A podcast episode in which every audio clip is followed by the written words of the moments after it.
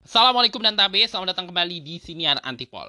Uh, yang mana kita akan kembali ngomongin berbagai peristiwa, berbagai kejadian populer yang sedang populer, yang sedang hip. Uh, dibahas oleh publik, mungkin ya, mendapat perhatian publik, mendapat perhatian media juga. Dan dalam maupun luar negeri dibahas dari perspektif gua. Uh, kali ini, di episode Siniar Antipol kali ini kita akan ngomongin tentang satu uh, sebenarnya isu ini juga munculnya berbarengan dengan beberapa kejadian besar uh, dalam minggu ini juga yang jadi bahasan. Us, yang jelas apa ya bisa dibilang uh, lini masa lagi rame nih di media juga di masyarakat juga tentang beberapa isu. Salah satunya ini dia.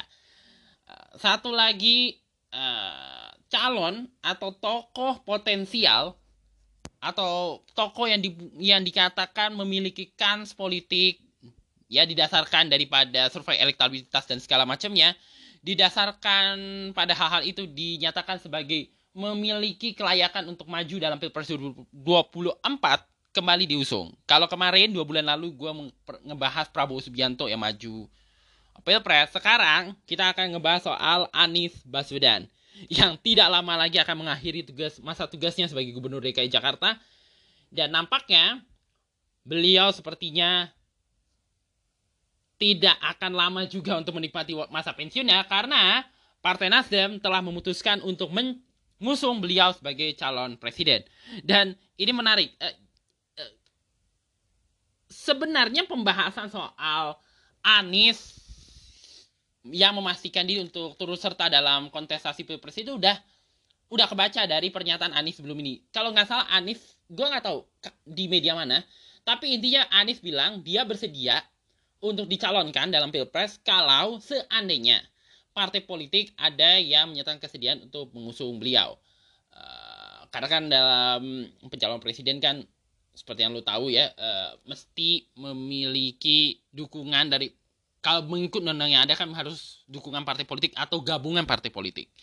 Nah, akhirnya ada nih yang mengusung. Cuma ada satu hal menarik. Jadi ini gue baca di twitternya dari twitternya Iman lagi Iman Syafi'i kebetulan Iman Syafi'i ini adalah ya kayak orang terdekatnya salah satu politisi Nasdem yang kemudian yang belakangan mengusung Anies ini. Dia bilang namanya sih nggak mengagetkan cuma kak waktu untuk mengusungnya eh, pengumumannya yang dipercepat ini yang jadi menarik kata dia di twitternya.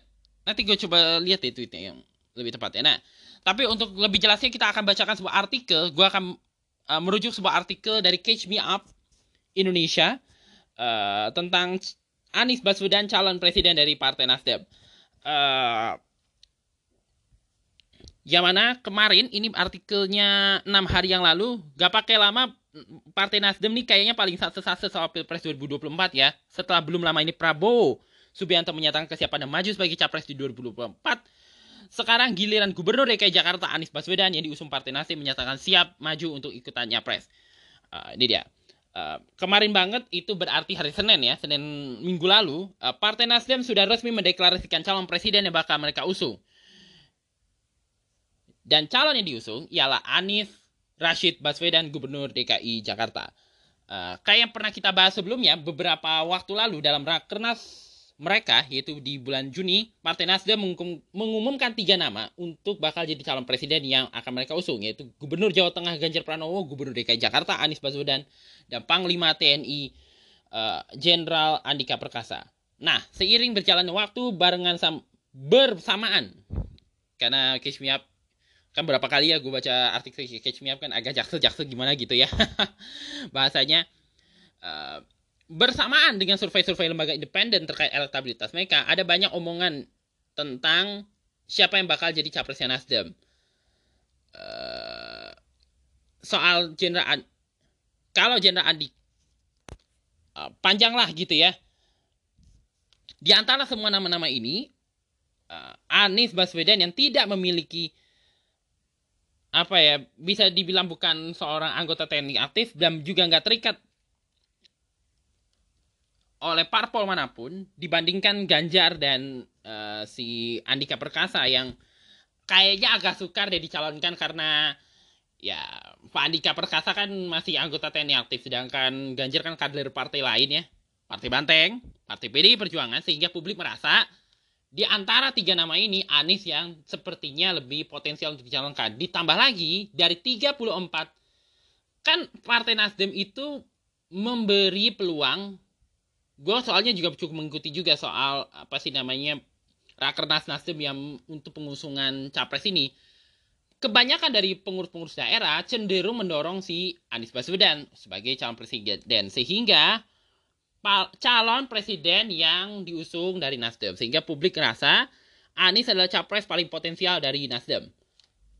Nah, disampaikan juga bahwa sebelumnya Partai Nasdem akan mengumumkan capres pilihan mereka di 10 November.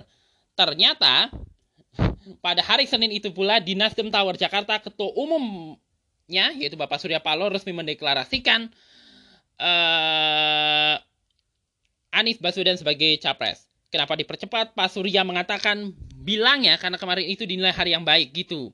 Kata dia, lihat cahaya bulan, bintang di kiri, di kanan. Ah ya sudahlah, sesungguhnya itulah yang ada di pikiran saya. Catatan dan satu catatan yang menarik katanya, birokrasi di Nasdem ini gak ribet, musyawarah aja. Mau deklarasi besok ya udah gas. Gitu guys kira-kira. Masih dari pernyataan Surya Paloh, beliau meyakini anak-anak bangsa sekarang tuh banyak yang baik-baik. Nah, dari yang baik itu akhirnya dipilih yang terbaik. Why not the best? Katanya gitu. Dan jawabannya akhirnya sepertinya Anies Baswedan dianggap sebagai salah satu yang potensial. Gitu kurang lebihnya. Uh, lanjutannya. Beliau dan Partai Nasdem yakin saja dengan pikiran dan perspektifnya Anies Baswedan. Lebih jauh mereka juga meyakini perspektif yang dimiliki beliau baik yang makro maupun yang mikro bisa sejalan to one another katanya. Dan diyakini Anies Baswedan bisa memimpin bangsa ini menjadi lebih bermartabat gitu kurang lebihnya. nah, terkait dengan pencalonan ini Anies dikatakan memang sudah terang-terangan akan jadi capres kalau ada parpol yang mau mengusung beliau dan seperti yang tadi gue bilang ya. Dan sampai hadirlah Partai Nasdem ini. Terus waktu acara deklarasi kemarin, beliau bilang bahwa gak banyak ngomong, namun hanya bilang dengan ridho Allah dan dengan segala kerendahan hati, Bismillah kami terima, kami siap jalan bersama, gitu kurang lebihnya. Walaupun ya, walaupun memang harus diakui itu itu sedikit uh, bacaan artikel lengkapnya bisa lu baca di Catch Me Up. Gue nggak terlalu harusnya ada artikel lain gitu ya yang mesti gue cari tapi intinya adalah akhirnya Partai Nasdem ini dari tiga nama yang diusulkan oleh daerah-daerah sebagai calon terus diambil tiga, ada 25 nama waktu itu lebih tepatnya. Terus diambil tiga yang mendapatkan usulan terbesar Andika Perkasa, eh, Ganjar dan Anies. Nah, memandangkan intinya adalah memandangkan dua yang lain ini agak ribet secara komunikasi, terlebih juga PDI Perjuangan terlebih juga di Janjar Pranowo yang kader PDI dan paling kuat pencapresannya tapi di birokrasi PDIP-nya juga kelihatannya lebih kepengen putrinya uh, Bu Ketum T PDIP Mbak Puan untuk jadi capres ketimbang si Ganjar akhir dan juga ditambah lagi Andika Perkasa juga kelihatannya agak susah nih kita ngecaloninnya dia juga masih perwira TNI kan gitu ya perwira TNI kan nggak boleh berpolitik apalagi terlibat dalam politik praktis.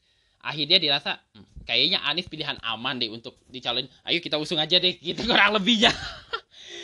Dan itu mungkin juga apa yang terjadi di dalam Indiana Nasdem. Nah, pencalonan seperti yang tadi gue bilang, ini bukan pencalonan pertama pengusungan resmi partai untuk seorang calon presiden. Kemarin seperti kemarin uh, Gerindra uh, akhirnya mengusung Prabowo Subianto sebagai capres dan mengusung Prabowo Subianto sebagai calon presiden dan akhirnya disanggupi oleh Pak Prabowo dan kemudian dilakukan penandatanganan dan belakangan menggalang koalisi dengan PKB untuk mengusung Pak Prabowo Subianto ini.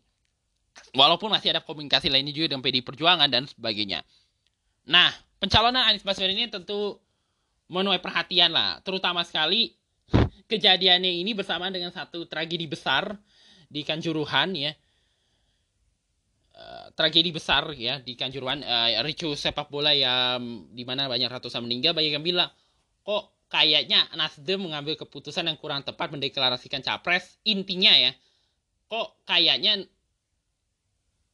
apa sih istilahnya ada yang merasa bahwa pencalon pengumuman pencalonannya Nasdem ini tidak dilakukan di waktu yang tepat karena masih tragedi masih berduka kok Nasdem langsung gitu aja kurang lebih. Walaupun yang ngeramein soal yang hal ini ini lebih banyak dari mereka yang kontra sama Anies sih ketimbang yang pro Anies. Dan sebelum juga Anies Baswedan diumumkan sebagai calon presiden dari Nasdem ya diusung sebagai bakal capres dari Nasdem eh, beberapa kalangan juga sudah uh, memberikan sinyal dukungan seperti uh, pemuda Pancasila yang mana ketuanya Pak Yapto Sumarsono memberikan keanggotaan gitu ya kurang lebihnya kepada Anies dan mendorong organnya uh, meminta PP uh, mendukung Anies Baswedan sebagai capres gitu ya sebagai untuk memenangkan Anies di Pilpres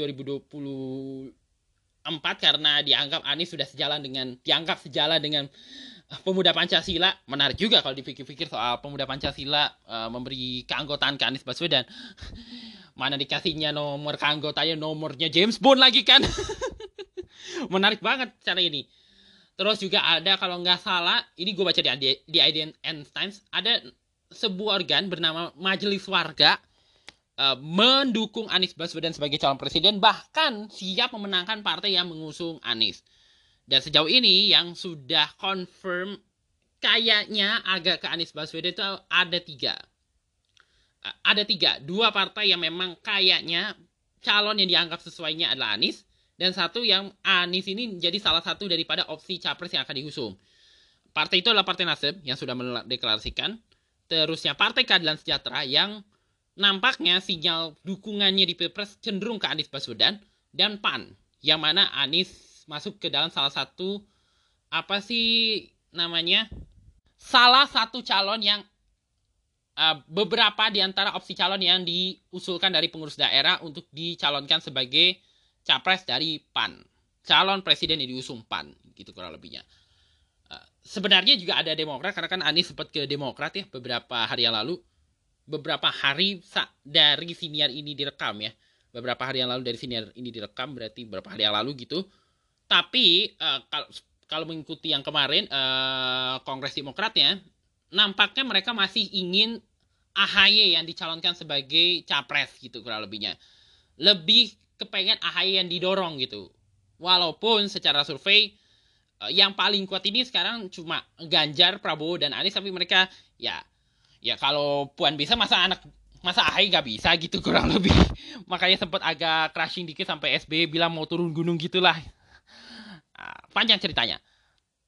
Dan seperti yang diduga-duga sebelumnya setiap ada aksi pasti ada reaksi.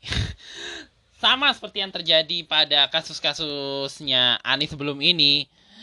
Uh, apa ya si yang paling si paling kontra gue mulai pakai istilah-istilah JKT nih mulai nih aduh aneh. Si paling kontranya Anies itu Partai Solidaritas Indonesia tiba-tiba bereaksi.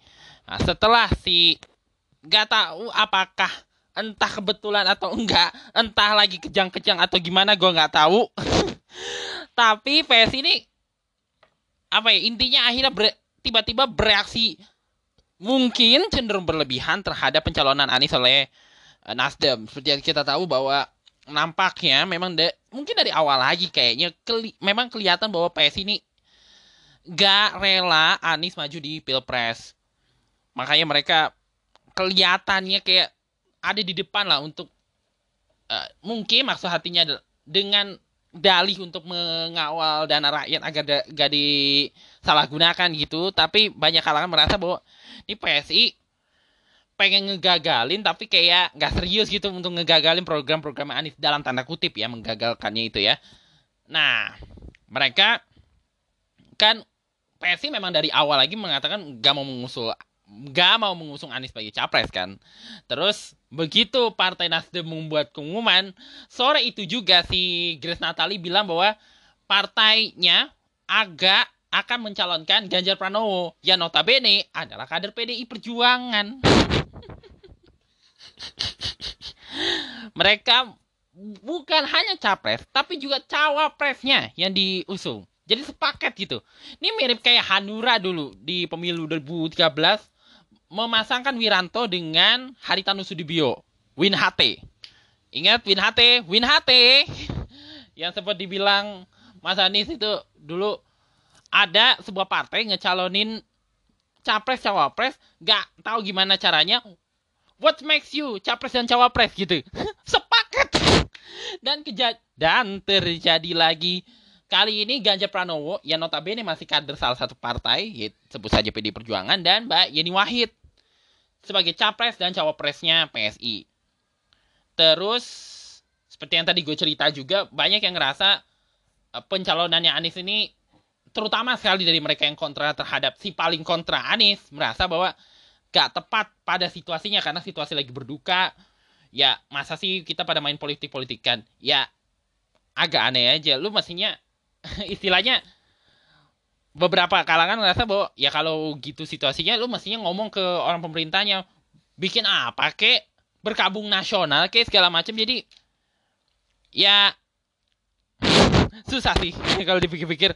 Tapi intinya adalah ya kalau misalnya situasinya memang eh harusnya gak ada politik-politikan dulu kan suasananya lagi berduka gitu. Ya intinya harusnya dari ya mestinya ada berkabung nasionalnya gitu kurang lebihnya dari pemerintahnya gitu untuk menetapkan masa berkabung nasional atas apa yang terjadi di Kanjuruhan. Tapi nggak ada ya. Ya karena tidak ada penyampaian itu ya mau nggak mau suka nggak suka. Ya ya udah jalan aja terus sesuai dengan ini. Lah lagian juga PSI-nya sendiri juga akhirnya mencalonkan walaupun uh, si Ganjar Pranowo mengaku gak terima apa pun uh, dukungan yang katanya berasal dari PSI bahkan salah satu pengguna Twitter bilang bahkan teman-temannya dia di PSI DKI Jakarta bahkan gak bereaksi apa-apa dengan pengumumannya PSI ini pakai pada bilang kayaknya pada giting kali ini orang di PSI kok tiba-tiba begitu Anies langsung pada kejang-kejang. Nah, ini memang banyak tapi intinya ada beberapa kalangan merasa bahwa pencalonannya Anies ini terlalu ojo kesu terlalu kesusu lah gitu. Apa ya? Terlalu buru-buru, terlalu cepat gitu. Kan ada seorang komika pernah bilang uh, mengutip istilah uh, perkataan dari almarhum bapaknya sih. Cepat boleh buru-buru jangan gitu kan. Boleh melakukan konsolidasi politik menentukan pilihan politiknya dalam waktu cepat tapi gak bisa dalam situasi yang gak tepat lagi gitu segala macamnya gitu. Istilahnya cepat boleh buru-buru jangan gitu. Harus dicek dulu bla bla bla segala macam yang sebenarnya uh, harus diakui sih Pak Surya Palohnya juga nampaknya juga udah muanti-wanti soal ini kalau misalnya pilihan tolong kasih tahu kami kalau apa yang saya katakan ini kurang tepat terhadap Anies Baswedan. Sebenarnya dikatakan juga di situ kan. Cuma memang harus diakui sih bahwa pendeklarasian Anies Baswedan ini bukan pendeklarasian ya bisa katakan uh, apa sih pendapat pendapat gue soal deklarasi Anies Baswedan ini sebenarnya kan gini ya bahwa kita sering kan kita gue udah pernah bahas kan sebelum ini bahwa uh, sinyalemen kuat yang publik ini ingin Anies Baswedan maju di Pilpres ini memang kuat sekali. Walaupun secara survei uh, memang masih masih terus-terusan berada di masih konsisten di nomor tiga terus gitu di bawah Ganjar dan Prabowo ataupun Prabowo dan Ganjar. Tapi bisa dikatakan bahwa uh, publik ya kebanyakan publik mungkin sebagian publik juga yang bahkan gue ngerasain sendiri langsung di lapangan juga merasa bahwa calon yang ada saat ini uh, mungkin bisa diandalkan tetapi kan ya gini lah kurang lebihnya ya bahwa soal pencalonan presiden saat ini gitu ya dengan makin dinamis dari awal bahkan dari tahun lalu gue udah ngebahas soal pilpres ya dari ketua-ketua partai yang menawarkan diri jadi capres terusnya tentang survei yang terus melihat memperlihatkan nama-nama potensial yang paling tinggi potensialnya capres kayak Anies Baswedan, Ridwan Kamil, uh, siapa lagi? Uh, Ganjar, Prabowo, nama-nama potensial lima besar ini gitu kan. Dari lima besar beberapa survei kan yang terbes yang potensial kan si uh, seperti uh, gue ulang lagi ya, Ganjar Pranowo, Prabowo Subianto, Anies Baswedan, Ridwan Kamil, AHY sama Sandi. Sesuatu yang gue bisa pahami kenapa Demokrat sangat percaya diri terhadap AHY, makanya mereka mengatakan ah, kita tetap mau ngusung AHY aja deh, nggak apa-apa. Wong juga di survei masih masuk lima besar kok buktinya gitu kan. Sandiaga Uno juga ada suara-suara yang menginginkan dia capres walaupun uh, Gerindranya partai yang juga kebetulan beliau ada di dalamnya juga memutuskan untuk fix ke Prabowo sebagai capresnya. Ter termasuk juga Nasdem dan PKS ini mereka juga ngerasa bahwa kayaknya dari semua calon yang tersedia cuma Anies Baswedan yang logik untuk dicalonkan. Terlebih lagi PKS yang memang kontrak pemerintah yang dari awal pemerintah Pak Jokowi. Ya, ya kali mereka mengusung Ganjar Pranowo yang notabene kader partai pemerintah yang mereka apa ya mereka sering kritisi gitu. Ya kelihatannya ya kali gue ngecalonin partai yang gue sering kritisi ya aneh aja gitu aneh ngadi-ngadi aja. Dan ya sekalipun Andika Perkasa mungkin nama yang cukup potensial juga tapi kan ya agak membingungkan juga gitu. Bisa aja Sandiaga Uno tapi kan Sandiaga Uno wakil dari wakil pemerintah saat ini di dianggap orang pemerintah ya mereka juga kontrakan. Ya orang yang kelihatannya tidak terlihat di pemerintah tapi juga tidak terlihat uh, dianggap pro dengan uh, basis masanya PKS yang kebanyakannya Islam ya Anies Baswedan ini. Dan memang di satu sisi ini mem membuat uh, Anies memiliki apa ya jalan yang bisa dikatakan mudah untuk setidaknya sampai setidaknya dia punya waktu yang lebih jadi cukup untuk menyampaikan gagasan-gagasannya untuk Indonesia, tapi di saat bersamaan eh, pencalonan Anies ini juga membawa resiko. Karena harus diakui, harus diakui kebanyakan basis-basis pemilihnya Anies ini ya harus diakui basis-basis yang apa ya bisa dibilang basis Islam yang agak konservatif. Dan ini harus diakui memang ada agak membebani si Anies Baswedan dalam perjalanan pilpres. Walaupun selama sebagai gubernur DKI Jakarta dan memang gue menyaksikan sendiri juga bahwa nampaknya Anies ini terus berusaha untuk membuktikan yang ya mungkin memang ad, sebagian pendukung gue adalah orang konservatif tapi gue nya sendiri gak sekons gak sekonservatif yang di kuartirin gak se ekstrim yang dikuartirin oleh banyak pihak-pihak yang kontra sama Anies gitu kan tapi walau bagaimanapun, ya suka tidak suka mau tidak mau Hanif juga harus menerima menghadapi kenyataan bahwa ini yang harus dihadapin gitu. Bahwa ada realita bahwa sebagian orang-orang yang pada cenderung ke Anies Baswedan ini antara dia memang nggak pro terhadap pemerintah, kontra dengan pemerintah, dan orang-orang uh, konservatif dalam hal ini kebanyakannya dari kelompok Islam konservatif ya merasa dirugikan oleh kebijakannya Pak Jokowi. Kebijakan pemerintah Pak Jokowi dianggap mempersempit ruang mereka untuk berekspresi. Kalangan-kalangan konservatif Islam ini. Sehingga pelampiasannya adalah memberi suara kepada Anies Baswedan. Dan tentu ini menjadi we are the apa ya sesuatu yang di satu sisi mungkin menguntungkan Anies karena banyak yang di satu sisi bahwa keinginan agar ke depannya pemimpin uh, berikutnya.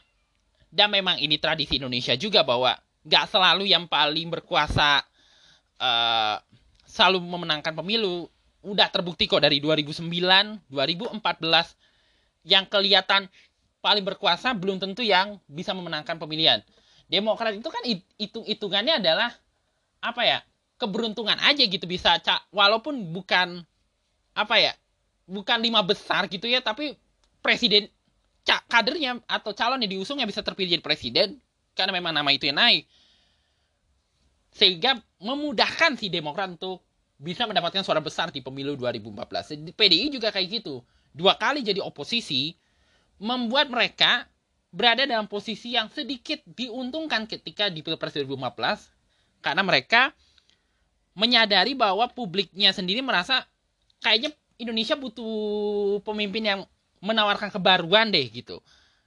Termasuk nah dan karena efek yang di sebagian ra, rakyat gitu ya, sebagian publik gitu merasa bahwa ya sekalipun ada beberapa hal yang terlewati oleh pemerintahan Pak Jokowi gitu ya, uh, kinerjanya dalam beberapa bidang memuaskan sehingga PDIP-nya bisa menang dengan perolehan yang melampaui bahkan perolehan kursi yang melampaui uh, target gitu ya dan presiden yang diusungnya kembali maju ya sebenarnya yang dialami Demokrat dan dialami PDIP itu secara kebetulan aja keberuntungan aja gitu.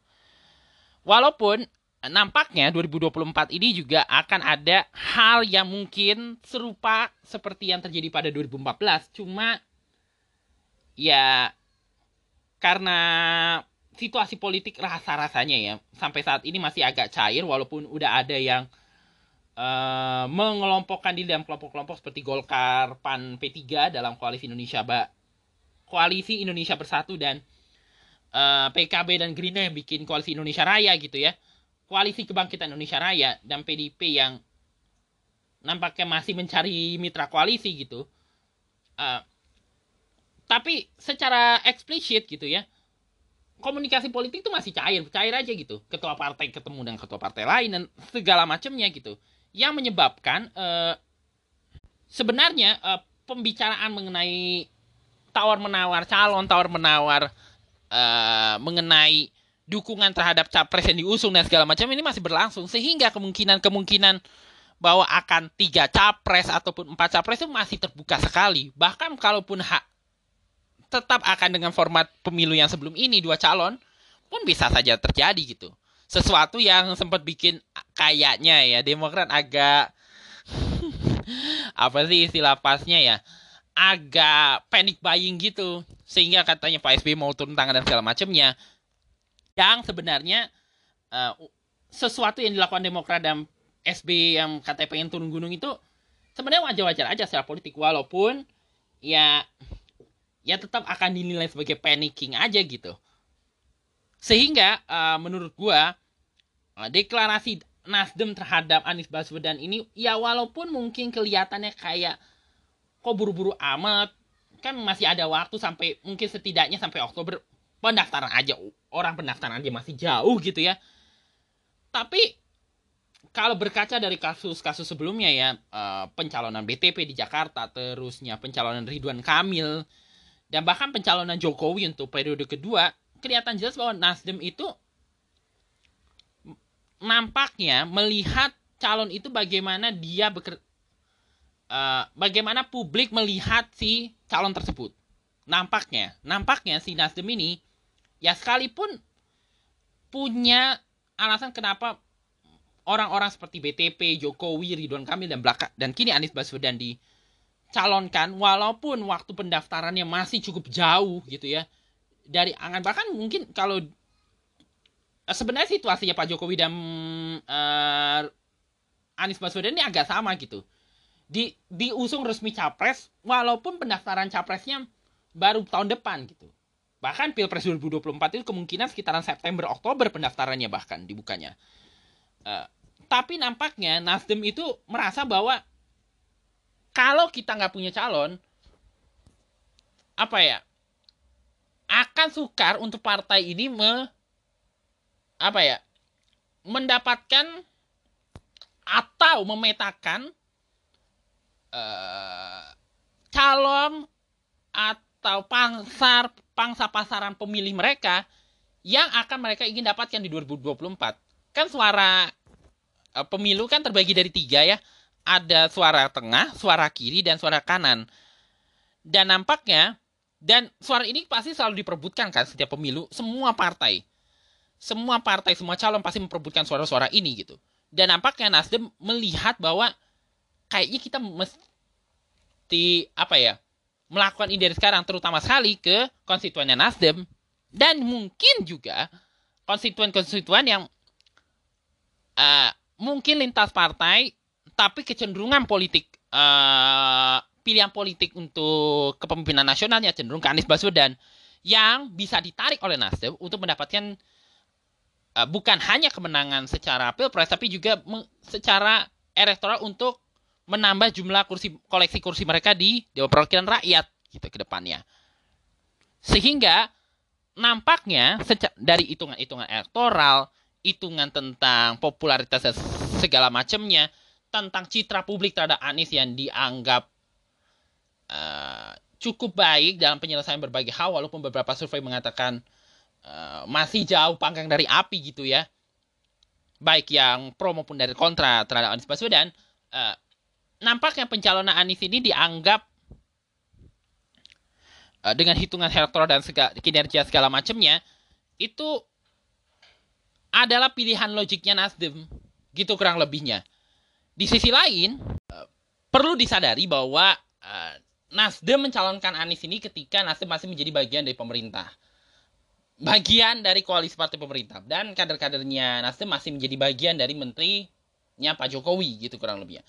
Sehingga tentu Nasdem juga uh, me, gue gue nggak tahu ya apa yang berlangsung di internal Nasdem soal pencalonannya Mas Anies ini.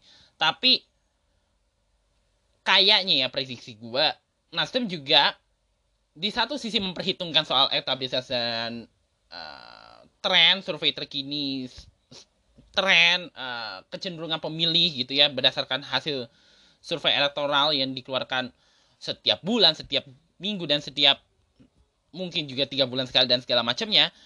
Di saat bersamaan boleh jadi juga ini masih prediksi gue Nasdem sudah memetakan juga kemungkinan kalau mereka mencalonkan calon yang bukan berasal dari suara yang cenderung pro kepada partai-partai cenderung didorong oleh orang-orang yang pro pemerintah dan merasa bahwa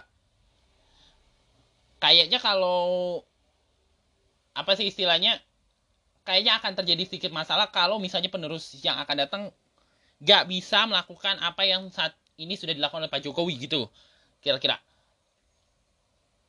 perhitungan resiko bahwa akan ada kritik berkaitan dengan itu kayaknya gue nggak tahu apakah diperhitungkan oleh Nasdem atau enggak nampaknya juga tentu dipikirkan. Makanya ada seorang politisi Nasdem bilang bahwa walaupun mereka mencalonkan Anies tapi mereka tetap mendukung pemerintahan Pak Jokowi gitu loh.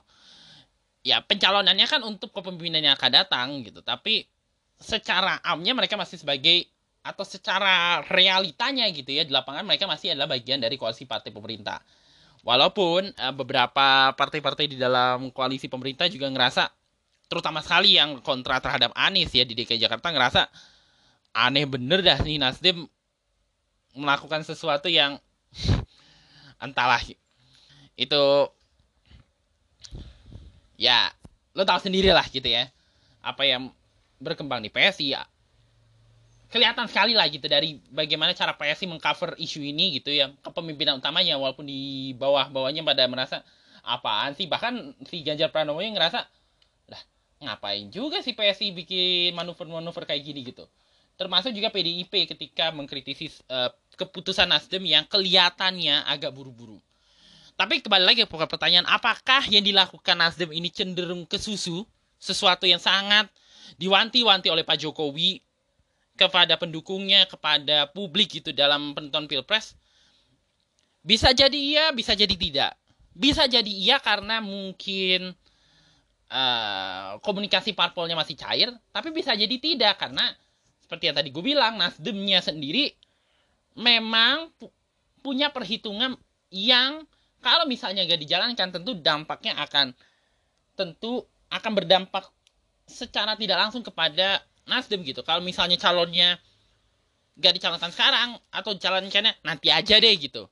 Kalau misalnya si calon yang dikatakan cocok atau klop dengan si Nasdemnya ini kejadian kenapa-napa, amit-amit ya kenapa-napa, tentu itu sangat merepotkan sekali secara elektoral uh, bagi Nasdem segala macamnya. Seperti yang terjadi pada Pak BTP dengan kasus uh, apa sih namanya kasus penodaan agama yang memang harus diakui baru mencuatnya setelah beliau nyalon kan dicalonkan secara resmi didaftarkan secara resmi sebagai calon gubernur uh, cakup DKI waktu itu 2017 atau kasusnya kubu Prabowo ha, Prabowo Sandi yang salah satu tim sesnya bikin hoax seakan-akan dianiaya. Itu kan akhirnya berpengaruh sendiri secara tidak langsung ke calonnya ke perolehan suara ke persepsi publik terhadap si calon tersebut dan nampaknya ini disadari betul apalagi kan lu pasti masih tahu ya bahwa ada beberapa kali kan eh, beberapa kali terutama sekali dari pihak Anies ngerasa ada upaya untuk ngejegal Anies dari untuk maju di pilpres gitu ya. Menjegal langkahnya Anies untuk maju di pilpres walaupun Aniesnya secara tidak langsung nggak spesifik bilang bahwa mau maju gitu. Tapi tren publik yang persepsi publik uh, yang melihat Anies yang menempatkan Anies di antara tiga besar calon yang dianggap punya kapabilitas untuk maju di pilpres dan populer untuk di dipertimbangkan sebagai capres membuat ya tentu saja membuat kubu-kubu terutama sekali yang kontra Anies ya uh, kelabakan gitu. Apalagi dengan beberapa isu sebelum ini kayak Formula E isu Jakarta International Stadium dan isu maksudnya Stadion Internasional Jakarta dan kebijakan-kebijakan kolaboratif dengan sejumlah daerah. Tentu mereka ngerasa bahwa wah kacau nih ini pasti untuk agenda 2024 kita jegal ah gitu kan. Walaupun beberapa di antaranya malah alih-alih seperti yang tadi yang sudah-sudah gue pernah bilang alih-alih membuat program itu gagal program itu tidak berhasil program itu uh, batal malah per, malah bikin perhatian publik rasa penasaran publik terhadap apa yang dilakukan oleh Anies Baswedan dengan atau Mas Anies ya dengan dengan langkah-langkah yang beliau buat termasuk juga kebijakan-kebijakan beliau selama lima tahun kepemimpinan di Jakarta gitu ya malah publik makin penasaran apa sih yang dilakukan nih kok sampai ribut-ribut segininya. Nah begitu sebagi uh, beberapa publik ngerasa bahwa oh dak oh bentuknya kayak gini dampaknya kayak gini dan segala macam dan segala macamnya. Efek kepada Indonesia nya kayak gini gitu. Kayak misalnya Formula E ternyata oh baru tahu bahwa balapan ini tentang mobil listrik dan ditujukan untuk mendorong penggunaan energi bersih. Wah ini positif nih untuk masa depan apalagi dengan situasi polusi di Jakarta yang uh, kacau balau ini gitu. Malah Ali mungkin alih-alih membuat program itu jadi gagal rancangan balapan rancangan ini contoh ya yang Formula E membuat ini jadi gagal total malah membuat si Formula E-nya itu jadi naik ke permukaan jadi pembahasan publik.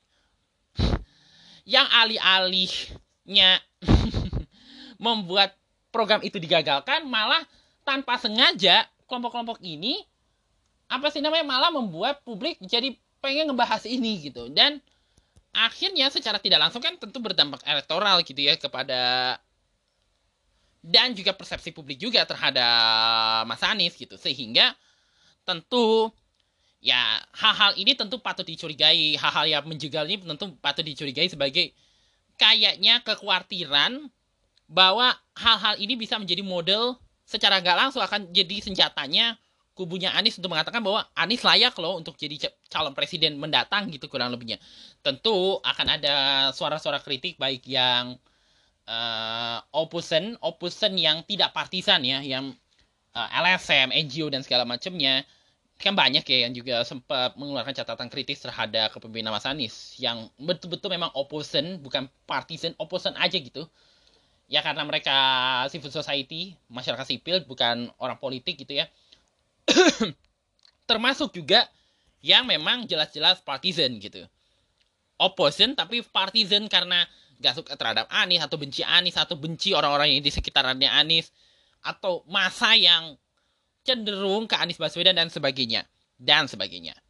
Dan tentu saja dengan menjelang berakhirnya kepemimpinan Anies Baswedan dan melangkahnya Anies Baswedan untuk yang sudah dis disampaikan oleh Mas Anies sendiri yaitu kesediaan untuk maju di pilpres mendatang, tentu ini akan menjadi hal yang menarik. Apalagi beliau sudah lima tahun memimpin Jakarta dan sudah pernah menjadi menteri, sehingga uh, kinerjanya sebagai baik sebagai Mendikbud maupun ataupun sebagai uh, gubernur DKI Jakarta tentu akan dinilai oleh publik baik positif maupun negatif baik oleh yang pernah mendukung beliau ataupun yang tidak mendukung beliau ataupun yang ya tadi aku bilang gue bilang tadi opposite dari kalangan LSM NGO segala macam tentu akan memberikan catatan kritis. Seperti yang disampaikan Bang Paloh tadi Pak Surya Paloh bahwa tolong bagi tahu tolong kawal tolong kritisi bilang yang kurang tepat apa yang saya katakan hari ini. Hari ini ini adalah pada hari pen deklarasinya Anies sebagai capres gitu kurang lebihnya. Jadi kesimpulan gue terhadap episode kali ini terhadap topik kali ini adalah uh, kalau uh, ada yang bilang boleh jadi mungkin kalau ada suara-suara mengatakan bahwa Anies ini kayak kelihatannya pencalonan Anies ini terburu-buru, ya tadi seperti yang tadi gue bilang dua kemungkinan bisa jadi iya. Karena ya waktu orang pen, masa pendaftaran capres saja belum mulai kok udah udah nyalon-nyalon segala macam tapi di sisi lain juga bisa jadi tidak karena mungkin juga bisa berarti positif juga yang diburu-burukan itu malah membuat diskusi publik, pembahasan publik terhadap dan uh, ruang publik untuk mendiskusikan calon kepemimpinan yang akan datang akan lebih besar gitu uh, dan lebih tepat seperti yang dibilang Mbak Najwa Sihab di sebuah konferensi gitu di Jakarta kebetulan gue ngikutin juga dari sosial media uh, bahwa harusnya kita coba mendesak bukan hanya me diam lena ngelihat calon-calon pada pencitraan ke daerah-daerah, kunjungin orang-orang, tapi juga mendesak isu yang kita rangsa penting sehingga kita bisa mendapatkan lebih gitu kurang lebihnya. Dan memang pada akhirnya publik juga perlu apa yang dilakukan oleh Partai Nasdem, mungkin partai-partai yang partai-partai lain mencalonkan uh, menetapkan calon pilihannya di Pilpres ini tentu akan membuka ruang publik untuk mendiskusikan apakah orang ini layak gitu? Apakah secara visual orang ini bisa membawa agenda kita gitu kurang lebihnya? Di saat bersamaan itu boleh jadi iya ya keburu-buruan ini. Ada yang positif dan negatif. Tapi boleh jadi tidak juga karena uh, tentu Nasdem Nasdem dan partai-partai lain ke depannya yang mau mencalonkan lebih dulu calon yang mereka anggap layak untuk kepemimpinan nasional dan mereka rasa layak untuk diusung di Pilpres tentu punya alasan untuk apa ya melakukannya sekarang sebagai bagian dari upaya elektoral untuk bisa menjaring suara-suara terutama sekali dari mereka yang cenderung pilihan politiknya atau pilihan kepemimpinan akan datang ke calon tertentu yang secara tidak langsung akan berdampak positif kepada si partai tersebut ya di pemilihan akan datang. Kalaupun misalnya kalau mereka tidak terpilih setidaknya secara positif mereka punya suara untuk yang modal untuk mereka kepemimpinan untuk mungkin 2029, 2034 dan sebagainya. Yang penting publiknya mesti kritis gitu, mesti punya kemauan untuk mendesak hal yang diperjuangkan dan kita titipkan bukan hanya kepada kepemimpinan saat ini, tapi juga kepemimpinan yang akan datang. Karena seperti yang kita tahu, tidak ada yang sempurna di ini. Manusia tidak ada yang sempurna, termasuk gua, termasuk mereka yang dicalonkan saat ini, termasuk yang memimpin saat ini. Makanya, ya seperti yang gua sering bilang, memimpin Indonesia tuh nggak mudah. Dan mengurus pemerintah Indonesia yang uh, mengurusi 200 juta rakyat Indonesia lebih gitu ya, itu nggak mudah. Pikirannya beda-beda, uh, kebutuhannya beda-beda, aspirasinya beda-beda gitu. Sehingga hal-hal kemauan partai politik dan calon-calon yang ada untuk menawarkan gagasan yang lebih untuk publik mendapatkan lebih itu menjadi penting. Sehingga uh, pembahasan pilpres tidak hanya soal saling serang apa ya mempropagandakan kekelaman segala macam uh, kampanye kebencian segala macam tapi leb jadi bisa tertutupi oleh kampanye gagasan dan segala macam sehingga pembahasan tentang kepemimpinan akan datang jadi lebih berkualitas dan partai terdorong untuk melahirkan pemimpin-pemimpin yang akan datang sehingga kepemimpinan nasional tidak hanya berasal dari kalangan elit-elit tertentu aja gitu yang membuat apa ya pengkaderan kepemimpinan jadi tersendat hanya bergantung pada orang-orang tertentu saja. Jadi itu aja sih uh, pembahasan gue dan ulasan gue terhadap episode topik yang kita bahas di episode kali ini. Kita akan ketemu kembali di edisi berikutnya Senior Antipol Analitika Populer.